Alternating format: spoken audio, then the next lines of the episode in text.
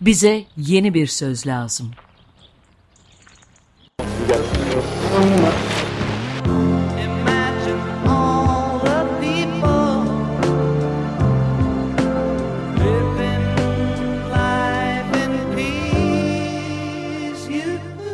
Bekir Ağırdır'la yeni bir yol haritası denemesi.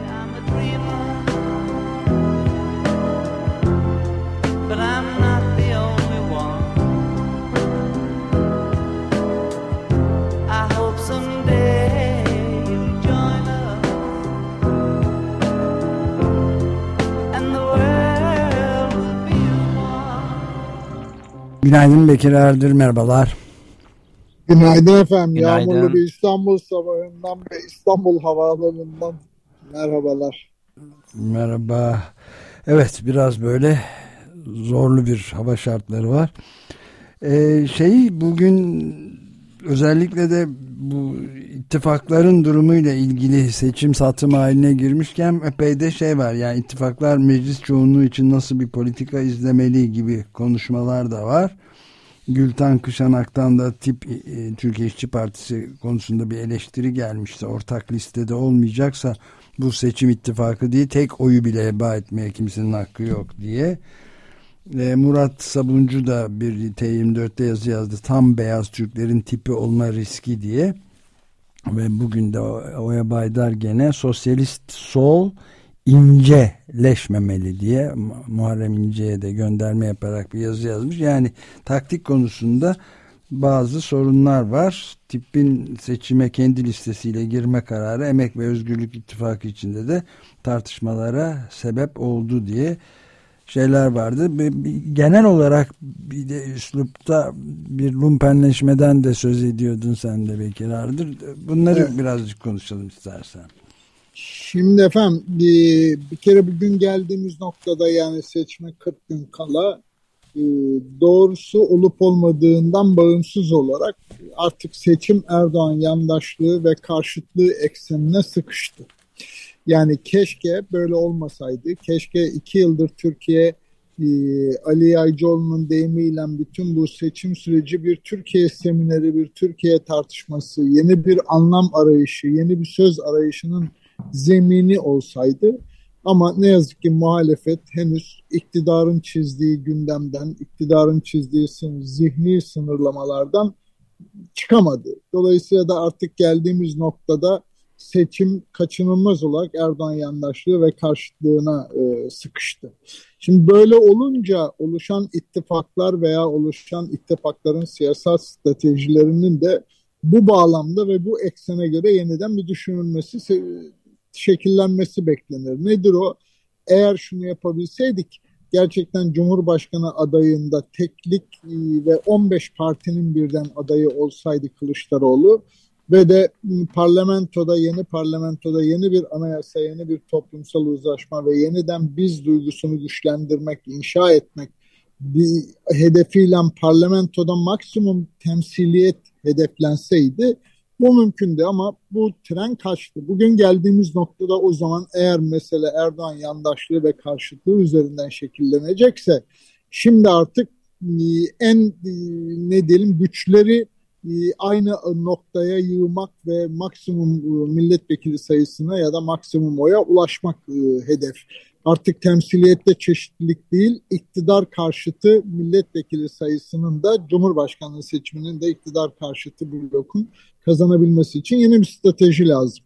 Ee, bunun da bir parçası elbette milletvekilliği seçimlerindeki listeler. Yani eğer e, partiler yani Millet İttifakı da Emek ve Özgürlük İttifakı da e, ortak ittifakı bildirdikleri için baraj problemi yok hiçbir partinin. Ama milletvekili hesaplaması iktidarın geçen yıl yaptığı değişiklik nedeniyle her partinin kendi oyu üzerinden, ittifakın toplam oyu üzerinden olmayacak. Ve bugünden baktığımız zaman, bugün kamuoyuna yansıyan anketlerden de baktığımız zaman çok büyük olasılıkla Erdoğan kazansa da Kılıçdaroğlu kazansa da parlamentoda çoğunluğu olmayan bir iktidar olasılığı çok güçlü. Hmm. Çünkü Türkiye'de siyasi rekabet tam değil. 81 ilde birden aynı partiler rekabet etmiyor. Her ilde farklı iki parti rekabet ediyor ama o iki partinin birisi hep AK Parti, Diğerleri ise coğrafyaya bağlı olarak işte kıyılarda batıda CHP, Doğu ve Güneydoğu'da HDP, Orta Anadolu Karadeniz'de MHP ya da İyi Parti gibi şekilleniyor.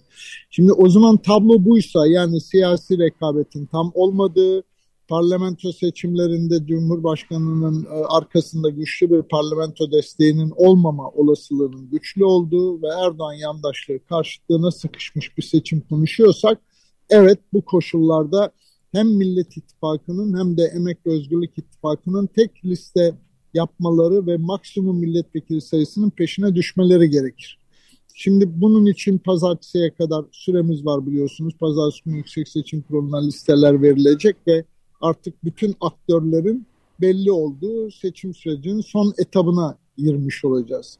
O nedenle doğal olarak herkes bin oylan bir milletvekili kazanma olasılığının ya da kaybetme riskinin ne olduğu hesabını yapıyor. Ee, şunu söylemek mümkün değil elbette. Yani tek liste her şeyin çözümü değil demek mümkün değil. Çünkü bir yandan da seç, partiler üzerinden böyle konuşuyoruz ama seçmen profilleri, partilere oy veren seçmen profilleri üzerinden baktığımız zaman o seçmen profilleri monolitik değil. Yani İşçi Partisi, Türkiye İşçi Partisi'ne veya HDP'ye ya da Yeşil Sol Geleceğe oy verecekler de monolitik kümeler değil. CHP'ye ya da İyi Parti'ye oy verecekler de monolitik kümeler değil. E, o nedenle toplumda eğer seçmen bazından baktığımızda karşıt duygular yani negatif kimliklenme dediğimiz duygusal kutuplaşma dediğimiz ruh hali de baskınsa her ittifakın içinde doğal olarak o ittifakın Erdoğan karşıtlığı pozisyonundan mutlu ve memnun olan ama o ittifaktaki diğer aktörlerden de memnun olmayan milletvekili seçiminde biraz daha özgür davranmak isteyen kümeler de var. Ee, onun için bu tür siyasal mühendislik hesapları yani her partinin oyunu monoblok saymak ve toplayalım çıkaralım şu oluyor demek de çok doğru ve mümkün değil. Ee, ama yine de eğer muhalefet blokundaki iki büyük ittifak ortak listeler yapar ve asıl önemlisi de sonraki 40 günde daha ortak bir sta siyasal strateji ve iletişim stratejisi kurgularsa evet maksimum yarara uğraşma, ulaşma ihtimalleri vardır. Ama listeler ortak olsa bile ortak siyasal strateji ve ortak iletişim stratejisi yoksa da e, listenin ortak olmuş olması da çare olmayabilir ya da sayılara yetmeyebilir. E, onun için aslında siyasi aktörlerin biraz daha hani stratejik düşünmeleri, e, senaryolar çalışmaları ve 81 ilin her birisinde o ilin geçmiş 3 veya 5 seçimine bakarak ana karakteri çözmeye ve o ana karaktere uygun listeler ve adaylar sıralamaya ihtiyaç var. Ama bunu becerebilecekler mi göreceğiz. Evet bu peki gidişat e, ne yönde görünüyor sence Şimdi yani? gidişat evet nasıl görünüyor? Gidişat yani her zamanki e, söylemimle başlayayım. Yani toplumun ya da seçmenin 64 e, milyon seçmen konuşuyor. Seçmenin %58-60'ı gidişata ekonomik olarak da siyasi olarak da karşı yani Erdoğan karşıtlığı pozisyon %58-60'lara yakın yandaşlığı pozisyonda %40-42. Ee, seçime kadar elbette bürokrasinin, kamunun gücünün aracından personeline, diyanetin görevlilerinden polisin, bekçinin yapacaklarına kadar tabii ki devasa bir mekanizma iktidar lehine çalışacak. Ee, Ramazan nedeniyle her akşam iftardan sonra Cumhurbaşkanı konuşmaları 50 televizyon kanalında birden yayınlanacak. Onun için bu 40-42 gibi bugün görünen oyu iktidar 45'e doğru tırmandırma şansı var. Ama muhalefetteki blok yani 58-60'lar mertebesinde olan blok monoblok bir kitle değil. Evet. Ee, hem iki ittifak yani Kılıçdaroğlu e, önde aday görünüyor olsa da bu 58-60'lık potansiyelde artık şimdi Muharrem İnce ve Sinan Ogan da var. Ee, dolayısıyla Sinan Ogan ve Muharrem İnce'nin alacakları oy da bu 58-60 potansiyelin içinden geçecek. Şimdi böyle bakınca Kılıçdaroğlu Tayyip Erdoğan'ın hedefi o yüzde 42'leri 51'e taşımak Kılıçdaroğlu'nun hedefi ise o %58-60 potansiyelden 51'i bir araya getirebilmek. Şimdi burada da e, Sinan Ogan'dan daha çok Muharrem İnce dikkat çekiyor. Çünkü kamuoyuna yayınlanan anketlere göre Panorama e, Türkiye'nin geçen hafta yayınlanan anketine göre bile Memleket Partisi yüzde altı, Muharrem İnce de yüzde on üç görünüyor araştırmalarda. Şimdi bu dikkat çekici bir oran ve bu seçimin ikinci tura kalmasına neden olabilecek ya da Kılıçdaroğlu'nun birinci turda 51'e ulaşmasına engel olacak bir oran eğer böyle gerçekleşirse. Ee, dolayısıyla Muharrem İnce meselesinin Muharrem İnce'nin veya Memleket Partisi'nin söylemleri veya ne yaptıkları, hedeflerinin ne olduklarından daha çok seçmen kitlesinin niçin böyle bir tepki oyu içinde, böyle bir tepki dürtüsü içinde olduğuna bakmak ve düşünmek gerekiyor. Ee, çünkü 3 ay öncesine kadar anketlerde ne Memleket Partisi ne Muharrem İnce e, yüzde birleri ikileri aşmış değildi. Ama şimdi birdenbire ne oldu da 6'ya veya 13'e kadar konuşulan sayılar ortalıkta. Bunu gerçekten muhalefetteki aktörlerin de bizim gibi ne olduğunu anlamaya çalışanların da bir düşünmesi e, odaklanması gereken bir durum var ortada. Evet yani e, Oya Baydar bugünkü yazısında T24'te Erdoğan'ın siyasi etikle olduğu kadar temel ahlaki normlarla da çelişen belden aşağı vuruşlarla, eşitsizlik ve adaletsizlikle, tehditle yürüttüğü, zaman zaman abukluk ve saçmalık sınırlarını zorlayan seçim stratejisi, sağlıksız bir ruh haline dönüşmüş olan iktidarda kalma hırsının ürünü. İnce'yi Muharrem İnce'yi bu düzenin daha da kötüleş, kötüleşerek sürmesinin ülkenin uçuruma yuvarlanmasının ana faili durumuna düşürecek adaylığının nedeni ise iktidar olma hırsı. Aralarındaki benzerlik insanı hem şaşırtıyor hem de ürkütüyor demiş. Yani İnce oy almaktan başka bir şey düşünmediğini, ilkesizliğini ve programsızlığını seçmen yaşını 15'e düşürürsek ben birinci turda alırım diyerek açıkça ortaya koyuyor çoluk çocuğun gözünü boyayarak Cumhurbaşkanı olmayı kendine yedirebiliyor. İktidar hırsı utanma sıkılma tanımıyor diyor. Senin de belki e, sözünü ettiğin bu lumpenleşmenin de bir örneği sayılabilir belki değil mi? Evet yani e, şimdi Muharrem İnce vakasının e, hem siyasal hem toplumsal sonuçları ve nedenleri var. Şimdi sonuçları siyasal sonucu eğer böyle devam ederse yani bu tepkisel durum ya da bu oy oranları söz edilen kamuoyuna yansıyan oy oranları devam ederse siyasal sonucu en önemli sonucu seçimin ikinci tura kalması olur. Hı hı. Ama seçimin ikinci tura kalması ise son derece riskli. Niçin riskli? Eğer eğer çünkü parlamento seçimleri oluşmuş olacak, bitmiş olacak ve çok büyük olasılıkla da seçmenin karşısında parlamentoda herhangi bir ittifakın ya da şeyin e, Cumhurbaşkanı adayının arkasında 301 milletvekilini geçen bir siyasal desteğinin olmadığı tablosu karşımızda olacak. Şimdi dolayısıyla iktidarın ikinci tura giderken bu dağınıklığa karşı istikrar söylemi, güvenlik söylemi bir yandan bir yandan da bütün kamusal mekanizmaları devreye sokarak, Diyanet'in bütün mekanizmalarını devreye sokarak, Oya Baydar'ın da sözünü ettiği gibi bütün e, dini, ahlaki, siyasi, hukuki sınırları zorlayarak yüklenmesinin üreteceği ciddi bir risk var. O nedenle seçimin birinci turda bitmesi gerekir diye düşünüyorum ben. Toplumsal sonucu ise Muharrem İnce vakasının ya ve nedeni ise gerçekten ayrıca seçimden sonra da seçimin sonucu ne olursa olsun seçimden sonra da dikkat almamız gereken bir duruma işaret ediyor bence. Nedir o? İşte sizin de işaret ettiğiniz gibi lümpenleşme. Şimdi bu lümpenleşme meselesini gerçekten konuşmamız gerekiyor. Sadece seçim bağlamında değil, genel olarak. Çünkü birkaç temel dinamik var. Ee, birincisi bir kere son derece hızlı bir gündelik hayat ritmi var artık karşımızda. Ee, zaman ve mekandan kurtulmuş bir hayatın doğal esası da hız elbette. Ama bu hız ve zamandan ve mekandan bağımsız çalışan bu hız ve teknolojik sıçramanın ürettiği bu hız aynı zamanda başka şeyler de üretiyor. Her şeyden önce bu hızlı hayat ve çok boyutlu, çok katmanlı, çok aktörlü hayat yani Trump'ın bir tweet'i ya da Putin'in bir kararıyla bile ülkenin hayatının alt üst olabilmesi ama ekonomide ama siyasette gibi e, bu kadar karmaşıklık dünyası belirsizlik ve öngörülemezlik üretiyor bir yandan. Dolayısıyla hani şey, kod taşlama işçilerinin silikosis mikrobu e, nedeniyle e, şey olan ortaya çıkan bir kanser türü var biliyorsunuz. Her gün çok miligram çok küçük miligramlar halinde alınan o kod taşlama işçilerinin o işlem süreci sırasında e, soludukları havayla aldıkları o mikrop belli bir dereceye geldiği zaman onulmaz bir kansere dönüşüyor. Şimdi bunu şunu bu örneği şunun için söylüyorum.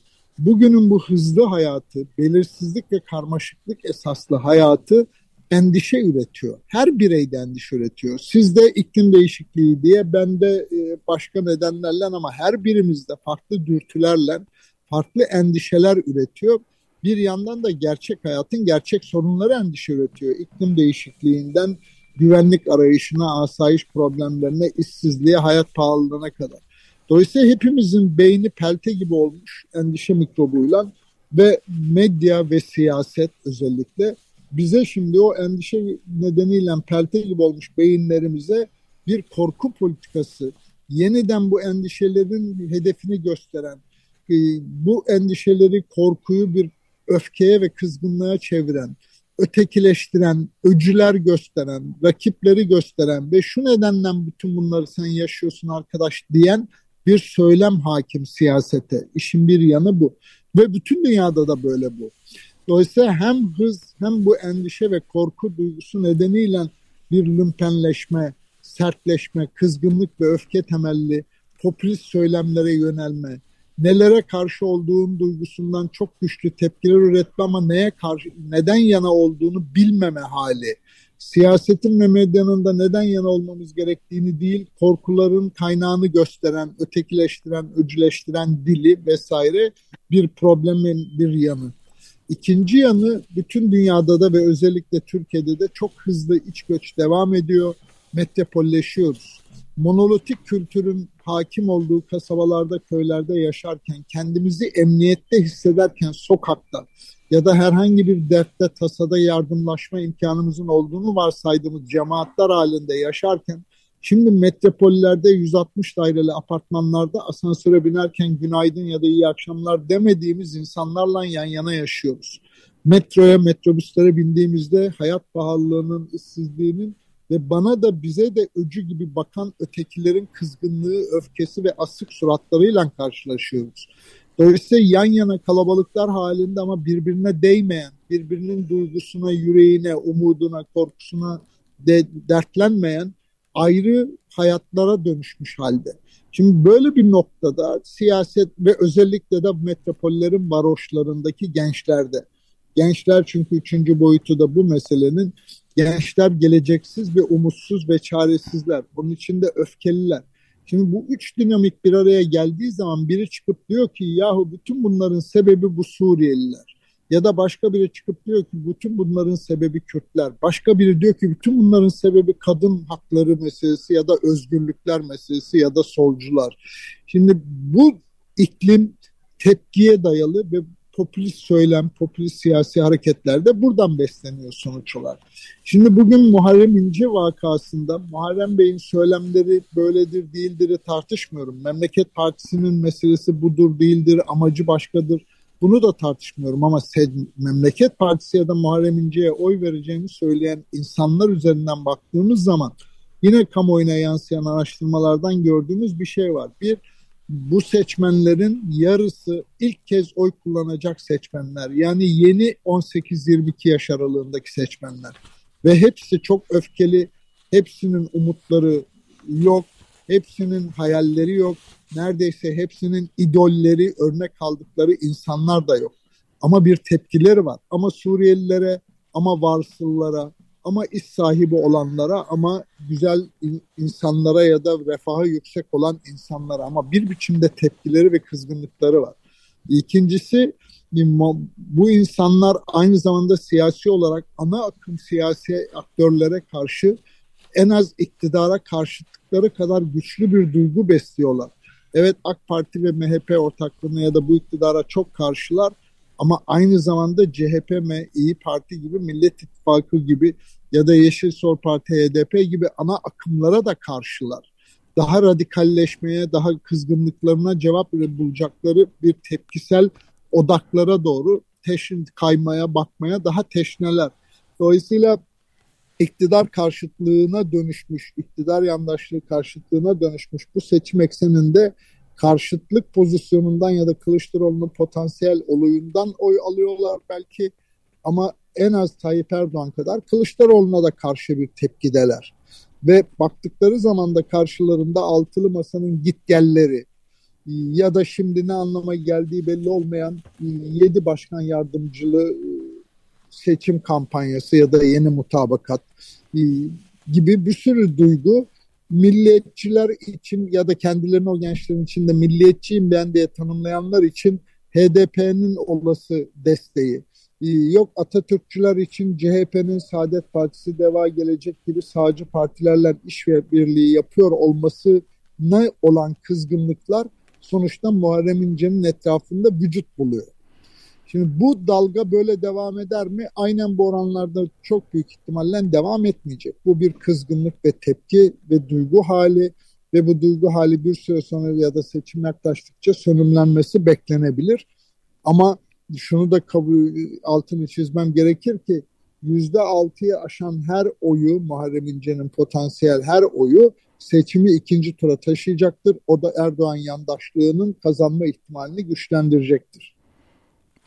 Evet yani bu peki iki şey daha sorayım. Yani bir tanesi bu vatandaşlık hakkı kazanan ve seçimde ne kadar e, yabancı oy kullanıyor bunlar belli olmuş durumda. Yani Suriyeli bir muhalif Halit Hoca'nın e, Independent Türkçe'den Ali Kemal Erdem'in haberinde görmüştük AK Parti'nin Suriyeli ve Arap seçmene seçmenlere yönelik yoğun bir kampanya yürüttüğünü bu se sebeple de seçime katılımın artacağını söylemişti. Bu nasıl bir sonuç verebilir? Araştırmalarını gösteriyor. Burada seçim seçme katılım meselesinde tabii önemli bir değişim var. Bundan da söz etmemiz lazım. O da şu Hatırlayacaksınız ilk programlardan itibaren e, bu seçimin sonucunu belirleyecek en önemli unsurlardan birisinin seçimlere katılım oranı ve özellikle evet. gençlerin katılım olacağının altını çiziyordum ben. Şimdi araştırmalarda gördüğümüz diyelim sonbaharda ilk kez oy kullanacak seçmenlerin üçte biri e, genç dediğimiz 30 yaş altı seçmenlerin dörtte biri seçime katılmayacağını söylerken şimdi bu oran 90'ları aşmış durumda. Bunu sağlayan şey ne? Biraz önce altını çizdiğimiz o duygusal tepkiler kadar aynı zamanda iktidarın müdaparlan e, kadın özgürlüğü meselesini ya da kadının gündelik hayattaki mesele, varoluşunu masaya bir pazarlık unsuru olarak koyması ya da deprem sürecinde e, ayrıcı ve nefret söylemine yaslanan siyasi söylemler ve politikalar vesaire kızgınlığı ya da Erdoğan karşıtı pozisyonu güçlendirdiği için şu anda gençlerde de artık katılım arzusu yüzde doksanları aşmış durumda. Ama biraz önce işaret ettiğim gibi e, o katılım arzusu ya da iktidar karşıtlığı pozisyon doğrudan Kılıçdaroğlu'na yaramıyor. İşte Muharrem İnce unsuru burada devreye giriyor. E, ikincisi bu yabancı göçmenler ya da sonradan yurttaş olmuş seçmenler meselesi. E, orada ben çok büyük yani o seçmenlerin sayı, sayısal sonuçları çok büyük oranda etkileyecek güçte ve büyüklükte olduklarını sanmıyorum. Hı hı. Ee, onların veya da onların da kategorik olarak iktidardan yana oy kullanacaklarını varsaymak doğru değil. Çünkü o yurttaşlık hakkını alan insanların önemli bir kısmı İran'dan, Arabistan'dan, Irak'tan, Suriye'den, Afganistan'dan gelen varsıllar yani o ücretleri ev e, gayrimenkul fiyatlarını ödeyebilen işini buraya taşımış insanlar ve o insanlar kendi ülkelerinden kaçarlarken muasır medeniyet diye bir dünyevi hayatı hedeflemişler. Ama bir yandan da Müslüman kimlikleri, dini inançları nedeniyle de e, Fransa'yı, Hollanda'yı değil Türkiye'yi tercih etmiş insanlar. Dolayısıyla Türkiye'nin İran'a ya da Irak'a ya da Afganistan'a benzemesi onların da arzulayacağı bir şey değil her şeyden önce. Ama tabii ki biz bu kümenin yani bu sayıların içinde ne kadarı böyle varsıl e, göçmen, ne kadarı e, e, Suriye Savaşı'ndan ya da Afgan Savaşı'ndan kaçmış yoksullar ve sadece AK Parti'nin onlara kapıları açan politikası ya da destek politikaları nedeniyle AK Parti'ye minnet duyuyorlar. Bu sayıları bilmiyoruz. Elimizde böyle de bir araştırma yok. Çünkü Suriyelilere dair ya da bu türden yurttaşları sonradan yurttaş olmuş seçmenlere dair örneklem yapabilecek sağlam güvenilir veriler yok elimizde ve kamuda bunları doğru dürüst açıklamıyor. Evet Ama yani şimdi... şeyin de e, Zafer Partisi Genel Başkanı Ümit Özdağ'ın geçen sene e, Haziran'da yaptığı bir açıklamada Türkiye'de Suriyelilere sadece Suriyelilere verilen vatandaşlık sayısı 900 bini aştığı gibi bir iddiası vardı ama bunun pek doğru olmadığı anlaşılıyor. Yani Hayır. yaklaşık milyona yakın denirken 240 bin yabancı seçmen olduğu açıklanmış durumda. Ali Kemal Erdem'in yazısından bu çıkıyordu. Evet, ee, Ömer abi ayrıca Özdağ'ın sayı... genelde açıklamalarından doğrulanan pek olmadı zaten. Evet. evet evet. E, kaldı ki şunu da söylememiz lazım. Şu anda seçmen listeleri kesinleşiyor olduğu için partilerin e, bu seçmen listelerini yani seçme girebilir partilerin bu seçmen listelerini alabilme yetkileri var şu anda. Dolayısıyla Cumhuriyet Halk Partisi örneği ya da İyi Parti o listelerden doğum diğeri bilgisini ayıklayarak gerçekten Türkiye dışı doğumlu olan kaç seçmen olduğunu hemen bugün bir saat sonra bile kamuoyuna açıklayabilirler. Dolayısıyla ben sayıların o kadar büyük olduğu kanaatinde değilim. Çünkü elimizdeki ölçülere göre 2018 seçimlerinde 58 milyon civarında seçmenimiz vardı. Bunun yurt dışını düşünce 56 milyon yurt içi seçmendi. Şu anda da 60.9 milyon seçmen ilan etti Yüksek Seçim Kurulu toplam sayı olarak. Halbuki benim TÜİK'in normal yaş istatistiklerinden hesaplamalarımdan 62 milyona kadar çıkabilirdi. Demek ki hani bu, bu şunu gösteriyor. Yani sözü edilen kadar büyük milyon sayılarda e, sonradan yurttaş olmuş yabancı seçmenimiz yok aslında. Ama 10 seçmenlerin varlığı ve bu seçmenlerin etrafında oluşturulan paranoya, vesvese bir korku iklimi ve biraz önce sözün ettiğim lümpenliği besliyor. Evet. Ve o evet, lümpenlikte evet. muhalefete ya da Kılıçdaroğlu'na ya da Millet İttifakı'na değil daha radikal, daha popülist söylemleri olan Muharrem İnce gibi, Ümit Özdağ gibi e, liderleri öne çıkarıyor. Evet ben bu noktada bunu konuşmaya tabii ki devam ederiz önümüzdeki haftalarda da. Şimdi çok açıklayıcı oldu valla ortam, bulanık ortama ilişkin söylediklerin. Peki süreyi de bitirdik. Çok teşekkür ederiz. İyi yayınlar efendim. Görüşmek Aydınlık, üzere. güzel, mutlu günlere ulaşmak dileğiyle. Bulutların dağılması umuduyla. Çok teşekkürler. Hoşçakalın.